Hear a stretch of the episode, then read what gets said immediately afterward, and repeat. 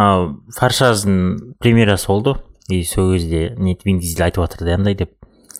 Ә, журналисттер интервью беріп жатыр нетін еді фаршазды біз көрсеткен кезде дейді андай ше нетін еді универсалдың ну босстарына босстар айтты дейді давай трилогиямен аяқта деп ше. Нет диалогиямен аяқтаған болмайды енді деп ше трилогиямен аяқтаған жақсы деп.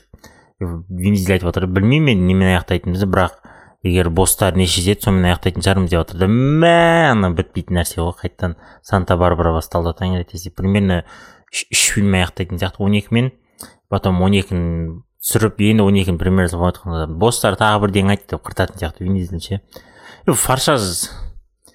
бірақ андай нетін еді индиана джонс короче андай болды. Кан не канский фестивальде индиана джонсты көрсетті да белгілі бір журналистерге. И фаршаздың премьерасы болды. И индиана джонс қарағанда көп критиктер фашазды мақтап жатыр ше? Индиана джонс ну онша емес деп. Ну соңғы төртінші частіне қарағанда не королевство хрустальных череп па қандай еді? Соған қарағанда жақсы дейді но алдыңғыларына короче жетпейді дейді да и критиктер короче фаршаждан фаршажды одан жоғары қойыпты да ой не болып кеткен деп жатырмыз да или индиана джонс вообще вообще жаман түсірілген сияқты. Мә оның режиссері логан режиссері логан көрген шығарсыздар. Мә білмеймін. Енді анадан кейін мен барғым келіп жүрген еді одан кейін индиана джонсқа че то ойланып қалдым. Фаршазды кәдімгідей жақсы көретін адамдар бар екен ғой иә бір кісілердің сторисінен көрдім да ше типа долго ждала типа долго ждали актерский состав десять из десяти зрелищность десять из десяти сюжет типа восемь из десяти. Дейді емай сюжет восемь из десяти е май дегенсің ғой ананы ше. Жұрттар кәдімгідей күтеді екен ғой ше. Мен бірінші рет көріп тұрмын. Солар екен ғой барып фаршазға бір миллиард ақша жинатқызатын ше. А то олар жинамайтын сияқты. ғой еще кімде андроид смартфон. Андроид смартфонда андай бар ғой ютуб бірдеңе дейтін приложение бар ғой рекламаны көрсетпейтін рекламаны блок жасайтын ше а айоста ондай жоқ и сөйтіп істеп жүргендерге короче андай келіп жатыр екен ютубы қосылмай қалып жатыр екен. А нет оформите подписку или типа типа удалить это приложение или обновить приложение деген сияқты нәрсе келіп жатыр екен да? И подписка қойсаң ғана реклама кетеді деп жатыр екен. Все короче ұсталып қалған сияқты и гуглдың презентациясы болды жақында ыыы короче презентациясы былай болды ин ин и болды короче и туралы айта алу искусственный интеллект искусственный интеллект искусственный интеллект короче екі сағат болса бір жарым сағат искусственный интеллектке арнаған шығар и қалған google pixel а мен жаңағыдай карта марталарды аз ақ көрсетті и карта базар жоқ күшті қылып ше бүйтіп андай 3D визуализация мен ол жерде де иін бар деген ғой бірақ ше ол жерде де иінді қосып жіберген ғой еще там яндекс браузер қолданасыздар ма қолданбайсыздар ма яндекс браузерда андай бар. Синхронный переводчик дейтін бар. Иін жасайды деген ода да ютубта мысалы английский андай видео қарайтын болсаңыз орысша сразу сол моментте сол жерде аударып береді. Сондай жасапты да гугл енді жасапты соны білмеймін мен. Типа ол не только перевод жасайды там мимикамен андаймен қалағанымен тура ровно көрсетеді дейді. Енді рас өтірік па білмеймін енді көреміз енді жаңа обновлениесінде шыққан кезінде. Еще байқайсыздар ма? Ватсап андай болыпты. Ыыы фронтальный камераға көп рұқсат рұқсат сұрай беретін уведомление жібере беретін болып ше че то опасен че то слишком қатты андай адамдарды тексеріп кеткен сияқты ше сіздер білетін шығарсыздар фейсбук инстаграм ватсап бар кісілер бізді аңдитын ше не сказал бы қатты аңдиды но короче біздің информация туралымызды неге кіреміз нені қарайтынымыздың бәрі андай кока кола үлкен компанияларға береді үлкен компаниялар соны көреді да короче бізге реклама жасайды андай не точно точно реклама жасау үшін қолданады да еще андай көрдім мен филипс бар емес па монитор шығарыпты короче бір монитордың екінші бөлігі бар екі монитор короче бір монитор бірақ екі монитор ше и біреуі нормальный монитор.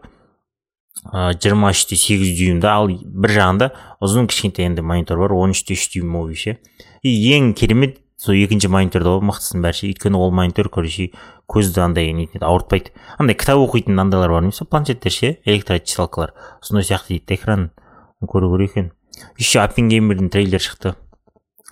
Былай былай былай былай көрсетті енді. Кристофер нолан бірдеңе деп. Ең айтатын мынандай көрсетті эйнштейнді көрсетті. А былай особо қатты дым түсінбедім түсінетін ештеңе жоқ. Тарих қой по андай тарихта болған на реальных событиях дейді.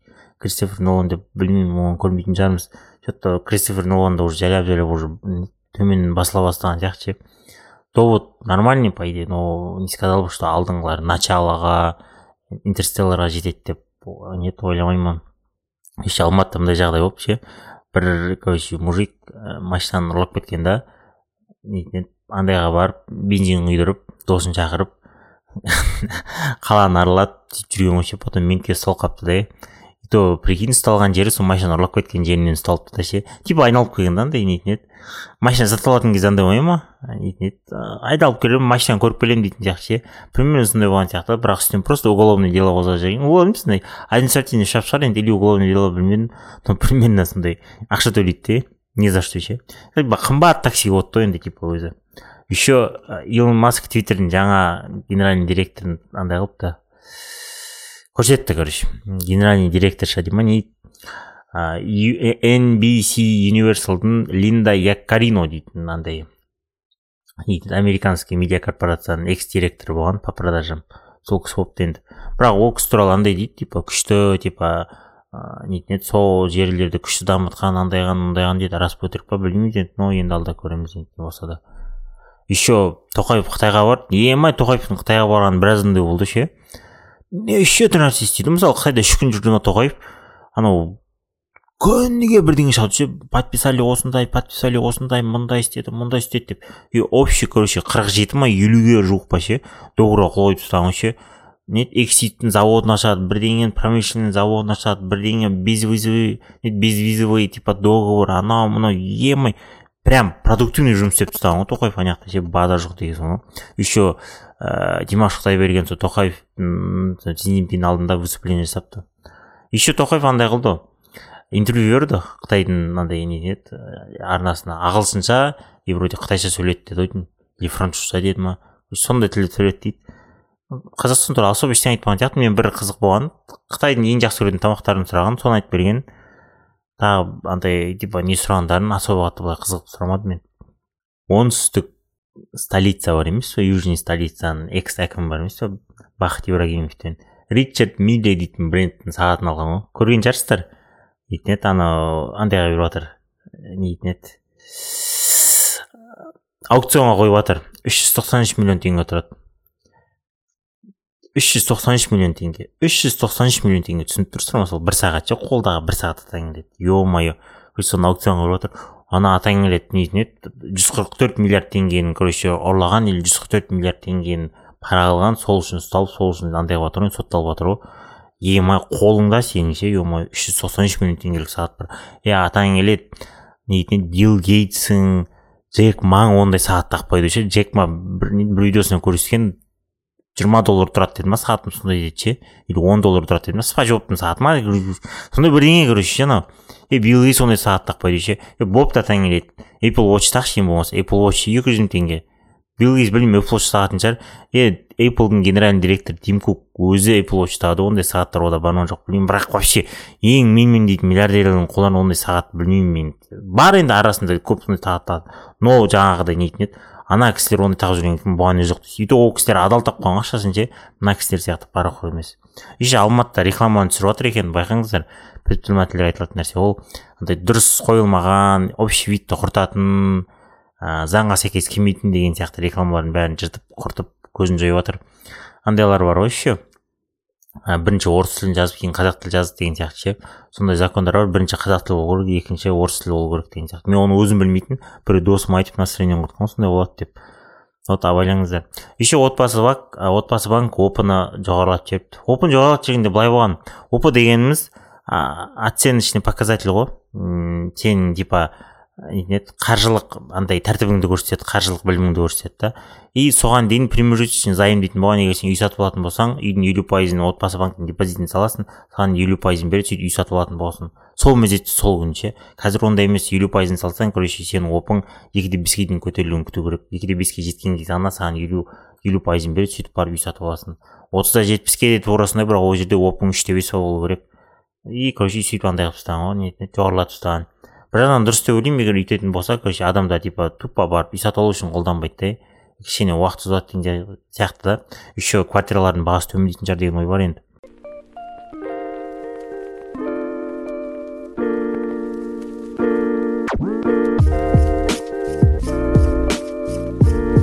Турцияда андай болды выбор болды ешкім ұта алмады төрт кандидат үш кандидат болды. Төртінші білген маған ұнаған ну эрдоганмен көрчекем ба кім атын ұмытып қалдым елуге жете алмаған егер елуге жететін болса олар елуге жеткен адам короче автоматически президент болатын еді елуге жете алмады сондықтан екінші этап болады ердоган короче қырық тоғызда бірдеңе анау кірчайған дей ма ол да бір қырықтың бірдеңесін жинаған ең қызығы короче үшінші төртінші кандидат кандидат болғанда и төртінші кандидат короче өзінің андай выбордан алып тастаған печать етілген бюллетендер короче сойға кетіп қалған ғой үлгере алмаған да оны алып ше и соған дауыс берген адамдар бар ғой ше ноль бірдеңе процент адам соған дауыс берген алып тастаса ше ол қатыспаса да походу президенттікке андай болу керек ғой президенттік емес депутатқа ма бірдеңе тапсырып көру керек қой а вдруг беріп қалады дегендей ше еще қазақстанда инфоинфлюенсерлер бар емес па? Блогерлер. Солардың короче ақша алу налог төлеу туралы заң қабылданады деп жатыр енді қабылдай ма қабылдай ма білмеймін. Бірақ менің ойымша дұрыс деймін егер де олар андай не дейтін еді букмейкер финпирамида сондай сондай адамға зияны бар сондай нәрселерді реклама жасайтын болса чтобы астында көрсетіп тұратын бұл рекламный бірдеңе шірдеңе шірдеңе деп и содан түскен ақшаны налогқа береді мен оны дұрыс деп ойлаймын. Дұрыс. Ал андай жағынан енді білмеймін енді типа жақсы жақ, жақсы рекламалар жасап жатқан кезде. Ол жағына енді в принципе қарсы емеспін. Олар енді ақша тауып жатқаннан кейін налог беру керек деп ойлаймын енді. Өйткені налогсыз болмайды ғой. Бірақ өкімет те слишком қатты айтып қалып жатыр налог налог налог налог деп ше налогтың бір не белгілі бір жақсы жаққа жұмсап жатыр мақұл ше. Налогтың бір отыз пайызын ғана жақсы жаққа жұмсап жатқан шығар қалған бәрі жайна қалып жатыр ғой. Еще антиплагиат дейтін приложение бар андай бар емес программа? Антиплагиат диплом жазып жатқан кісілерге арналады. Короче сол чат gpt жазылған нәрселерді уже анықтайтын болыпты ше. Подозрительный документ деп айтатын болған. И сондықтан кім диплом тапсырып үлгерді предварительный защитадан өтті. Аллилуйя. Ғой короче қуана беріңдер а вот үшінші төртінші үшінші екінші курстарға енді соболезнование ғой эх не дейміз енді өздерің жазасыңдар или ақша жазасыңдар деген сияқты еще қазақстанда уровень социального благополучия семей дейтін министерство труда енгізейін деп жатыр андай нетіне түспен белгілейтін болыпты и егер сізде мысалы бала бірдеңе туылып андай социальный көмек керек болатын болса түсіңізге байланысты береді екен да иә. И балмен бөлінеді. Короче жасыл бал болады. Жасыл бал короче а уровеньне жатады да. Мың мың сегіз жүз балл болады. И одан кейін сары кетеді. Жасыл бал благополучный семья сары удовлетворительный уровень ғой қанағаттанарлық е мое б болып саналады. Оның балы жүз отыздан жүз жетпіс тоқсан бір мың жеті жүз тоқсан тоғыз баллға дейін болады. Ол сарымен белгіленеді. Одан кейін көк. Қанағаттанарлық емес. Ол с болып белгіленеді да. Ол отыз балдан жеті жүз жиырма тоғыз баллға дейін болады. Ол көкпен белгіленеді. Потом қызылмен белгіленеді. Кризисный уровень деп аталады. Д деп д семьясы. Ол минус төрт жүз алпыстан минус жиырма тоғыз баллға дейін болады. А көп короче минус отыздан жеті жүз жиырма тоғыз баллға дейін болады екен. И қара бар экстренный ол ол минус меньше короче меньше төрт минус төрт жүз алпыстан төмен балл болатын болса кризис экстренный уровеньге кетеді е құдай сақтасын бәріміз сол сары мен жасылдың. Сары мен жасылдың арасында жүрейік. Еще андай нетін еді осмс бар емес па? Страховка қазақстанда. Соған көп адамдар андай қылып екен егер де адам бір жыл барып поликлиникаға көрінбесе емделмесе ақшасын қайтарып алу керек деген сияқты жарты ақшасын деген сияқты ше. И оған денсаулық министрі короче қарсы болыпты и дұрыс емес депті. Егер сен бармаған өзінде де кейінгі жылдары сен барып бір мезетте құрт жіберуі мүмкін дейді да мысалы. Сен бір емделуің бір он мың теңге болмайды дейді да миллионы бар бес жүз болатын емдеулер бар дейді да. Сондықтан сіздікі жинала берген дұрыс дейді да. И сізде қай кезде керек болатынын білмей қаласыз дейді да. Ал егер сіз жиналып жиналып жиналып көп сума болатын болса керек кезінде сізге сума жетсе сізді тегін емдеп береді дейді да сөзінде жаны бар. Потом уикенд бар емес па пвс уикенд атын өзгертеді псевдоним ше эйбл деп. Атын өзінің атымен шығады екен енді эйбл деген атымен. Уикендті өлтіремін дейді ғой. Уикенд фанаттарына арналған жаңалық. Найнти уан юнисефтің андай болыпты. Послам доброй воли болыпты базар жоқ қазақстанда тағы кім бар найнти уаннан басқа болған. Бірінші естіп тұрмын мен. Не дейміз найнти уан красавчиктер ғой еще айтарым енді басталды ұбт басталды. Эх қиын. Не болса да қорықпаңыздар ұбт дейтін ол болмайтын нәрсе. Оқуға түссеңіздер түсесіздер болмаса енді жыл дайындалып түсесіздер болмаса жұмыс істеп көріңіздер кішкене жүріп көріңіздер. Андай не еді қатты өйтіп берілмей ақ қойыңыздар. Бір жылдар болды ұбт дан тапсыра өз өзіне қол жұмсап дейтін қол жұмсап дейтін сияқты ондайлар болмай ақ қойсын өздеріңіз де қараңыздар. Ұбт дейтін ол болмайтын нәрсе. Мен де өттім одан бәріміз өттік. Былай қараған кезде артқа қарасам болмайтын нәрсе екен. Смело кіріп білгенін билеп білмеген болса е боп деп қоя салған жақсы. И қазір робота білмеймін енді қандай нелер алып кіруге болатынын. Бұрын бізге почти ештеңе алып кіргізе алмайтын. Қазір сондай шығар бірақ қазір электронный калькулятор береді деген ғой. Еще нейтін еді ыыы менделеевтің таблицасы болады деген так что давайте. Жақсы жақсы балдар жинаңыздар еще оқу бітіп жатыр ғой короче оқушылардан ата аналардан мұғалімдерге отыз төрт мың бес жүз теңгеден жоғары сыйлық беруге болмайды дейді. отыз төрт мың бес жүз теңгеден жоғары сыйлық беретін болса ол параға жатады. Сондықтан абайлаңыздар просто гүл бере салыңыздар. Біз сияқты анау көшедегі өзің гүліңді емес ол көршінің гүлін барып жұлып алып сөйтіп гүл бере салыңыздар ше хотя бы ше отыз төрт мың бес жүз по нормально нормально салуға болады. Шоколад қасына бір гүл. И все болды.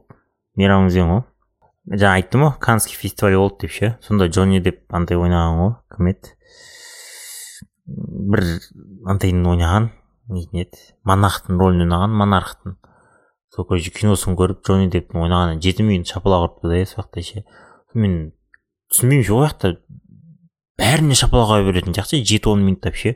Болмайтын кино көрсе де там бытыш кино көрсе де ше. Өйткені бір жерлерін оқығанмын сол кан канны фестиваліне барып бір болмайтын кино болған дейді да. Сол киноды залда отырып көрген ғой соңадан и сол отырып көргеннен кейін мә не бәле деп шығып бара жатсам жұрттар он минут шапалақ ұрды дейді сол киноға ше.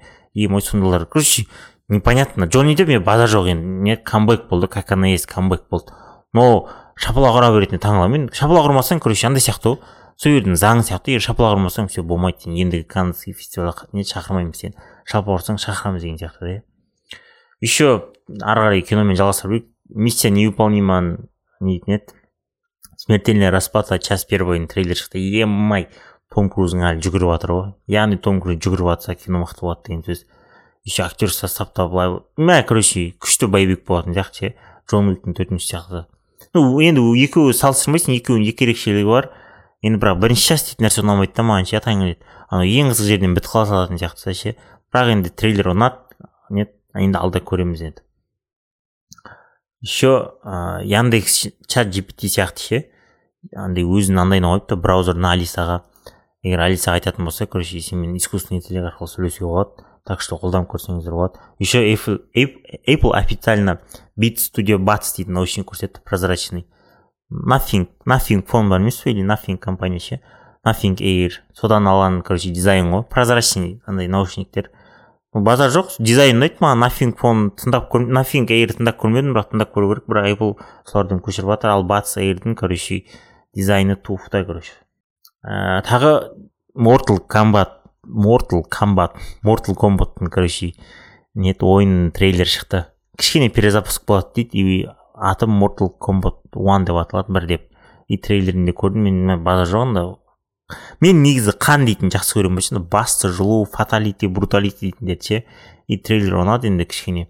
И оған еще пацанидағы нетін еді. Хоумлендерді қосады деген андайлар бар ғой сөздер енді көреміз бірақ трейлер ұнады. Күтіңіздер отыз төрт мың бес жүз бөлі жиырма сегіз мың бес жүз тұрады короче нетін еді қазақстанда бір андай стандартный андай дискісі. Еще анау жигули бар емес па жигули дайрабаев не машина а нет не президент а машина дейтін надоел болды сол ше балдарым кінәлі емес балдарым кінәлі емес анау мынау деп ше мойындасай мойынсұнсай сен ғой тәрбие берген деймін да е мә жоқ орнымнан кетпеймін деп ше уже надоел болды ше клоунада болып жатыр кәдімгідей ше клоунада ше еще мәжілісте тағы нетін еді ііі бір заседание болған и сол кезде короче әкімнің заместителін шақырған маңғыстау облысының видеозвонокпен бірдеңемен қонақ күтіп жатыр деген ғой ше не деген андай отмазка деймін де. Хотя бы нормальный отмазка айтса болады. Ауырып қалды аяғын сындырып алды чп болып жатыр деп ше короче қонақ күтіп жатыр ғой.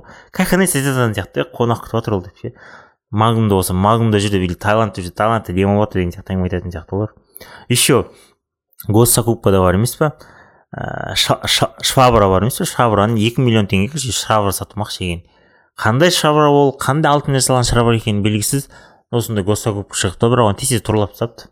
И все бүгінгі ең ұзақ ұзақ ұзақ болған жаңалықтар осылар енді. Қалайсыздар амансыздар ма? Менің есімім асхат бұл бояусыз арнасы. Қайырлы күн қайырлы таң қайырлы кеш қайырлы түн күннің қай уақытысында тыңдап отырсыздар сол күннің қайырлысы. Дайынсыздар ма? Ал кеттік бастайық. Қанша жылдар созбасын бәрібір керек асығыңа қорғасын. Неліктен жалғыз қаламын деп қорқасың бар ғой бар ғой сенің отбасың үйде. Бүгін стаджон тед стаджон деген кісінің заңы туралы әңгіме айтамыз фантастикалық жанрда жазатын авторлар қиын өмір сүреді дейді. Әсіресе егер олар көпшілікке жазса дейді. Критиктер оларға соңғы боқ ретінде қарайды. Шынында да көп кітаптар фантастика жанрында шыққандар екінші сортты болмаса үшінші сортты болады. Бұл жанрға қадір қасиет беру үшін кейбір керемет кітаптар көп сыннан өтеді дейді. Толықтай келісемін. Өйткені мен фантастика фэнтезидің жаман андаймын фанатымын. Әсіресе фэнтезидің джон рональд толкин вообще өлетін фанатымын вообще властелин колец love ғой хоббит вообще жүректе ғой и иә өте өте қиын ондай фантастика. Не былай қарауға болады что типа фантазия бұл деген сияқты типа ограничение жоқ. Любой жаза бересің деген сияқты оның өзі наоборот қиын нәрсе. Егер сенде ограничение болатын болса мне кажется сен сондай бір стандарттармен дұрыс жазатын сияқтысың вот типа без ограничения болатын болса сияқты өте қиын сияқты ше. Бірақ бір жағынан андай қыла саласың да иә неғып осындай десе ол сондай болу керек сияқты. Атмосфера желетін сияқтысың ше. Тед старджин жиырмасыншы ғасырдың елуінші және алпысыншы жылдарында американдық фантастиканың ең көп оқылатын авторлардың бірі болды. Бірақ сәттілікпен бірге қатыгездік те пайда болды. Автор критиктердің ғылыми фантастиканың тоқсан пайызы бос сөз деген түрдегі ә, ескертулерін тыңдауға мәжбүр болды. Дейді старджинның жауабы иә бұл дұрыс дегенмен жарияланған шыққан кітаптардың тоқсан пайызы бос сөз және қай жанр екені де маңызды емес дейді. Оның жауабы старджин заңы белгісімен тарихта енді дейді. Бір қарағанда старджин заңы біршама асыра айтылған сияқты бірақ тек бұл бір қарағанда. Соңына дейін қанша кітап оқығанын және алғашқы беттерден кейін қанша кітап тастағаныңыз есіңізде ма дейді. Фильмдер сериалдар туралы ойлаңыз. Олардың соңына дейін қаншалықты сирек көрдіңіз және каналды қаншалықты жиі ауыстырдыңыз. Мүмкін бұның бәрі старджин заңы старджин заңына жақын болуы мүмкін. По идее дұрыс айтылады жерде ше. Мысалы сіздер өз қаншама кітапты мысалы оқып бастадыңыз оқып бастап соңына дейін аяқтадыңыздар. Мысалы бізде андай бар ғой мысалы адамдар айтатын бір кітап бастасаң соңына дейін оқу керек деген сияқты ше. Ол дұрыс емес не жаман нәрсе ол. Егер кітап ұнамады ма тастап кете салсаңыз кейін тағы бір айналып келесіз тағы бір қарасаңыз болады ұнамаса оқымай қойсаңыз ондай логикамен өйтіп жұмыс істемей ақ қойған жақсы ұнамады ма оқымай ақ қой вот сондай кітаптар көп қой мысалы менің өмірімде көп. Бастағанмын ұнамаған тастап кете саламын бастағанмын ұнамаған тастап кете саламын бірақ тірліктерге ондай болмау керек. Жаңағы кітап фильмдер дегендерде а фильмдерді айтайыншы сен. Мысалы кейде болады мысалы бір фильм қосасың и типа е онша емес ол бас жағы онша емес ортасынан бастап күшті болады деген сияқты ше. И сөйтіп көп фильм, фильм сөйтіп көресің. Мысалы ой қазір онша емес қазір жайлап жайлап басталады динамика қосылады деген сияқты ше. И сөйтіп отырып мен екі сағат киноны көріп ше. Вообще типа вообще қызық болмаған. Содан кейін мен тастап кете беретін болғанмын ше. Екі сағат оттым оттым типа міне қызық болады міне қызық болады міне қызық болады деп қақнатаң келеді сол кезде далбаса болдатаң келеді вот сондай сияқты нәрселерді айтып жатыр бұл да бұл жерде. Американдық философ даниэл деннеттің айтуынша стаджин заңы тек кітаптарды немесе фильмдерді бағалауды ғана емес барлығын тоқсан пайызы бос сөз және бұл физика химия эволюциялық психология әлеуметтану рок медицина туралы ма маңызды емес деді. Бұл тоқсан пайыз немесе тек сексен бес пайыз ба немесе тоқсан бес пайыз ба қызық емес. Бұл да маңызды емес. Қарапайымдылық үшін тоқсан пайызға тоқталайық дейді. Короче барлық нәрсеге келеді деп жатыр ол. Әлемде барлық нәрсеге короче. Он пайызы жақсы заттар қалған тоқсан пайызы говно мусор қоқыс көңіл аудармайтын зат деп айтып жатқан түрі ғой енді. Старджин заңы туралы алғашқы естігенде мен үлкен жеңілдікте сезіндім. Мен адам жасаған барлық нәрсе өте маңызды ойластырылған және өте құнды деген сеніммен өстім. Сондықтан маған бірдеңе жеткіліксіз болып көрінген сайын мен өзімнен қателік іздей бастадым. Бүгін мен ә, бүгін мен білемін егер мен операның қойылымы сәтсіз деп тап, операның қойылымын сәтсіз деп тапсам бұл менің білімім жеткіліксіз болған емес. Кейбір бизнес жоспар маған жағымсыз әсер қалдырса бұл менің іскерлік талғамымның болмау болмау іскерлік талғамның болмауы кінәлі емес. Келген қонақтардың тоқсан пайызы іш пыстырарлық адам болғаны мен өзімшіл болып кеткенімнен емес. Жоқ бұл мен маған мүлдем қатысты емес бұл менің қатысым емес бұл әлем дейді.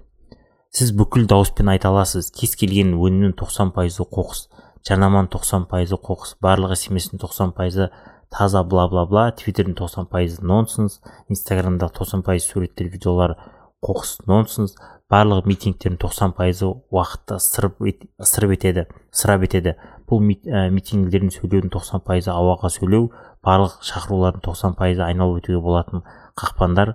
Қысқасы әлем бізге ұсынатын барлық материалдық және рухани нәрселердің тоқсан пайызы бұл қоқыс пен ақымақтық дейді. Мына жерде келісемін кейбір заттарына ал кейбір заттарына келіспеймін. Мысалы митинг дейді митингте мысалы сен тоқсан пайызы қоқыс дей берсең не болады? Сонда митинг солай солай болады. Мысалы бір рет шығады он адам потом жиырма адам потом отыз адам потом алпыс адам потом жиырма адам деген сияқты. Жайлап жайлап освещать етеді барлығын деген сияқты. Бұл жерінде келіспеймін а істемесін тоқсан пайыз дейтінге келісемін мен. Андай өдінлер келеді бүгін бізде осындай осындай деген жарнама тоқсан пайыз иә келісемін твиттерде иә тоқсан пайыз келісемін инстаграмда тоқсан пайыз келісемін но кейбір нәрселер иә кейбір нәрселерді короче көңіл аударып шақыруға да келісемін по идее шақыру да дұрыс нәрсе негізі и кейбір жерлерге бармай қойсын деп болады сен ештеңең кетпейді он пайызы керек шақырулар қалған тоқсан пайызы бла бла бла деген сияқты. Көз алдында старджин заңы бар адам жақсы өмір сүреді. Старджин заңы бұл керекті алатын және таланпаз психикалық құрал. Ол бізге ар ждансыз көрген естіген немесе оқыған нәрселердің тоқсан пайызын елемеуге мүмкіндік береді. Әлем бұл сізге жан жақты сөйлейтін сөздер бірақ сіз оны тыңдауға міндетті емессіз. Сондықтан өз таңдауыңызбен шектеліп құнды заттардың аз мөлшерімен шектеліп ал қалған бәрін қалдырыңыз көңіл аудармаңыз дейді. Инвесторлар старджин заңын старджин өзі байқамаған, байқамаған кезде бірнеше ондаған жыл бұрын ашқан сияқты.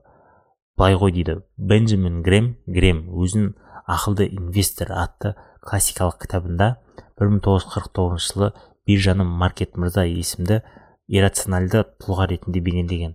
Грем бұл маркет мырзаны маниакальды депрессияға ұшыраған сұхбаттасушы біздің визави ретінде сипат ә, біздің визави ретінде сипаттайды.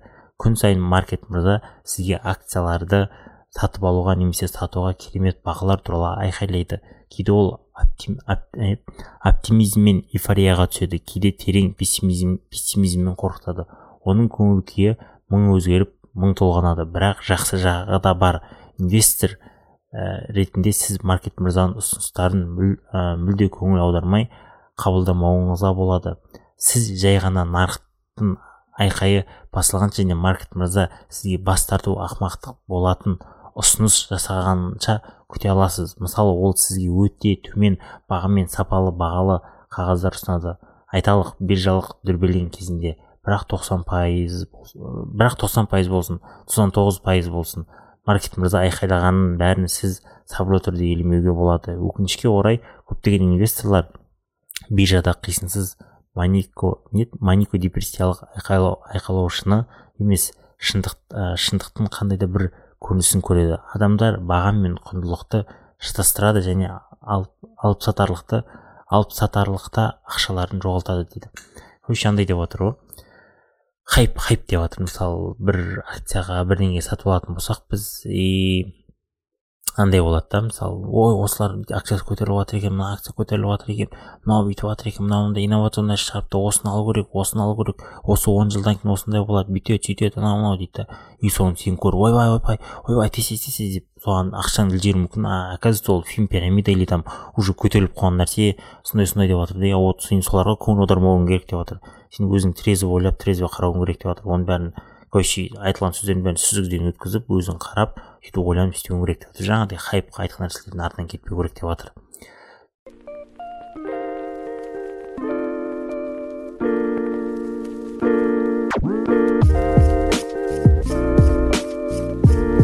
Бир, биржалық айқайлар мен дүрбелеңдер әрине тек биржада ғана болмайды. Басқа нарықтар сізге күнделікті жаңа өнімдерді фильмдерді ойындарды хабарламаларды әртүрлі өмір салтын жеке танысуды бос уақытты өткізу тәсілдерін және демалыс орындарын мейрамханаларды спорт түрлерін теле, телевизиялық және тележұлдыздарды күлкілі ютуб бейнелерін саясаткерлердің пікірлерін мансаптық ә, мансаптық мүмкіндіктері және гаджеттерді ұсынады. Олардың көпшілігіне ә, көпшілігіне сөйлердегі шіріген алма сияқты назар аударуыңыз ә, назар аударудың қажеті жоқ дейді. Олардың көпшілігіне сөрелердегі шіріген алма сияқты. Ә, олардың көпшілігі сөрелерде шіріген алма сияқты. Оларға назар аударудың қажеті жоқ. Барлық 90 пайыз заттар ақмақтар үшін. Бұл үшінші сортты заттар. Жай ғана ақмақ адамдарға арналған. Егер базар ә, тым қатты айқайлап жатса құлағыңызды жабыңыз. Нарық мұндай заттардың құндылығының маңыздылығының және жақсы сапасының көрсеткіші емес дейді.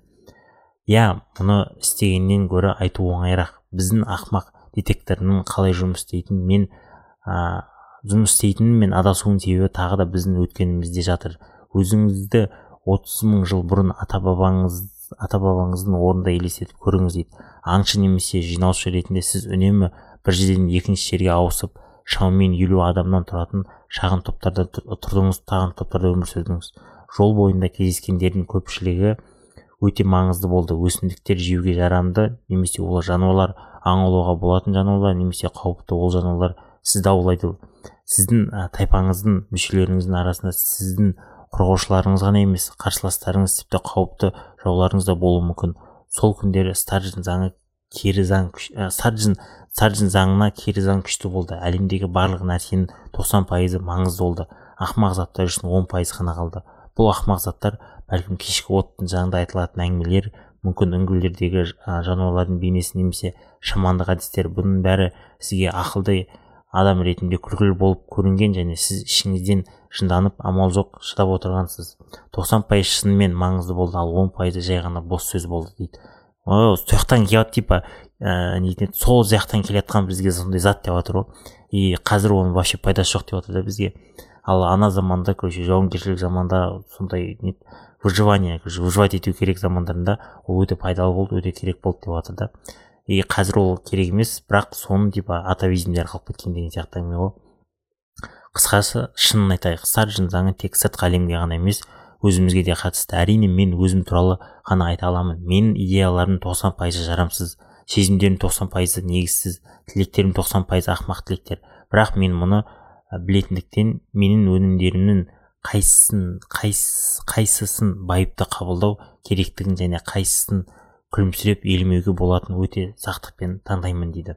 Егер өзіңді жақсы білсең ә, короче андай сияқты ғой мысалы осындай болса ғой өйстіп істесем ғой өйстіп қылсам ғой бүйтсем ғой деген сияқты. Или там көп ақша тауып алсаң көп ақша зарабатывать етсең или көп ақша лотерейден ұтып алсаң осындай аламын бүйтемін сөйтемін деген сияқтылардың бәрі ше. И соның тоқсан пайызы ақымақтық нәрсе дейді да сол ақымақ нәрсеге сен жол бермеу керексің дейді да онақ онақ нәрсеге ғана жол беру керексің дейді да ақымақ нәрселерді просто күліп қоя салу керексің сияқты әңгіме айтып жатыр да. Қорытынды сізге ұсынылатын барлық дүниені ә, дүниені ұстамаңыз ойға келген барлық заттардың артынан жүгіре бермеңіз. Болды мен соны қалаймын деп. Өзіңізге жаңа гаджет сатып алудың қажеті жоқ. Жаңасы шықты сатып алуым керек деген сөз емес. Біз айналамызда айналамызда көретін өте аз нәрсе шынымен құнды маңызды мағыналы және керемет.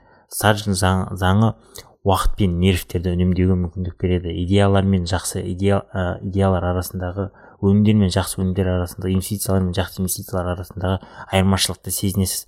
Ақымақтықты ажырата білуді тануды үйренесіз дейді. Тағы бір қысқа қосымша менің тәжірибеме сәйкес ол қайта қайта расталады. Егер сіз өз ойларыңызға сезімдеріңізге сенімді болмасаңыз алдыңызда тұрған зат керек емес зат па жоқ пайдалы зат па деген ойлар пайда болып сенімсіз болып тұрсаңыз онда сіздің алдыңыздағы бос керек емес ақымақ зат дейді. Короче стартинг заң арқылы сіз айтып отырмын идеялар мен жақсы идеялардың арасындағы өнімдер мен жақсы өнімдер арасындағы инвестициялар мен жақсы инвестициялар арасындағы айырмашылықты ақымақтықты ажырата аласыз білесіз танисыз және тануды үйренесіз деп жатыр бізде күнделікті берілетін информациялар күнделікті айтылатын ақпараттар күнделікті көретін заттар үйренетін заттардың тоқсан пайызы қоқыс мусор деп жатыр и соның арасындағы ең керектісін ең пайдалысын алып үйренуіміз керек деп жатыр сұрыптап үйрену, үйренуіміз керек деп жатыр өйткені біз мысалы айтып отырмын мысалы сен он пайызға мысалы күш он пайыз саған керек та мысалы сен только он пайызға күш жұмсайтын болсаң тоқсан пайызға күш жұмсамайсың и тоқсан пайызға жасайтын күшті басқа жаққа жұмсайсың. Болмаса демаласың ал егер де сен оны білмейтін болсаң сен тоқсан пайызға күш жұмсайтын болсаң бүкіл күнің бүкіл уақытың бүкіл күшің соған кетеді да он пайызға дым қалмауы мүмкін. Или там вообще шаршап шалдығып кетуі мүмкін да жалпы жақсы нәрсе екен бірақ кейбір кейбір кезде келіспейтін нәрселерім болды. А былай жақсы нәрсе. Жаңағы соңғы айтқаным ғой идеялар мен жақсы идеялар арасындағы өнімдер мен жақсы өнімдер арасындағы инвестициялар мен жақсы инвестициялар арасындағы айырмашылықты сезінесіз және айырмашылықтарды ажырата білесіз. Жалпы тілерім стардждың заңымен жүріңіздер. тоқсанда он сексенде жиырма дейтін бар ма? тоқсанда он деген заңды алып алыңыздар короче. Все бүгін тек осы. Аман сау болыңыздар. Давайте. Қанша жылдар созбасын бәрібір керек асығыңа қорғасын.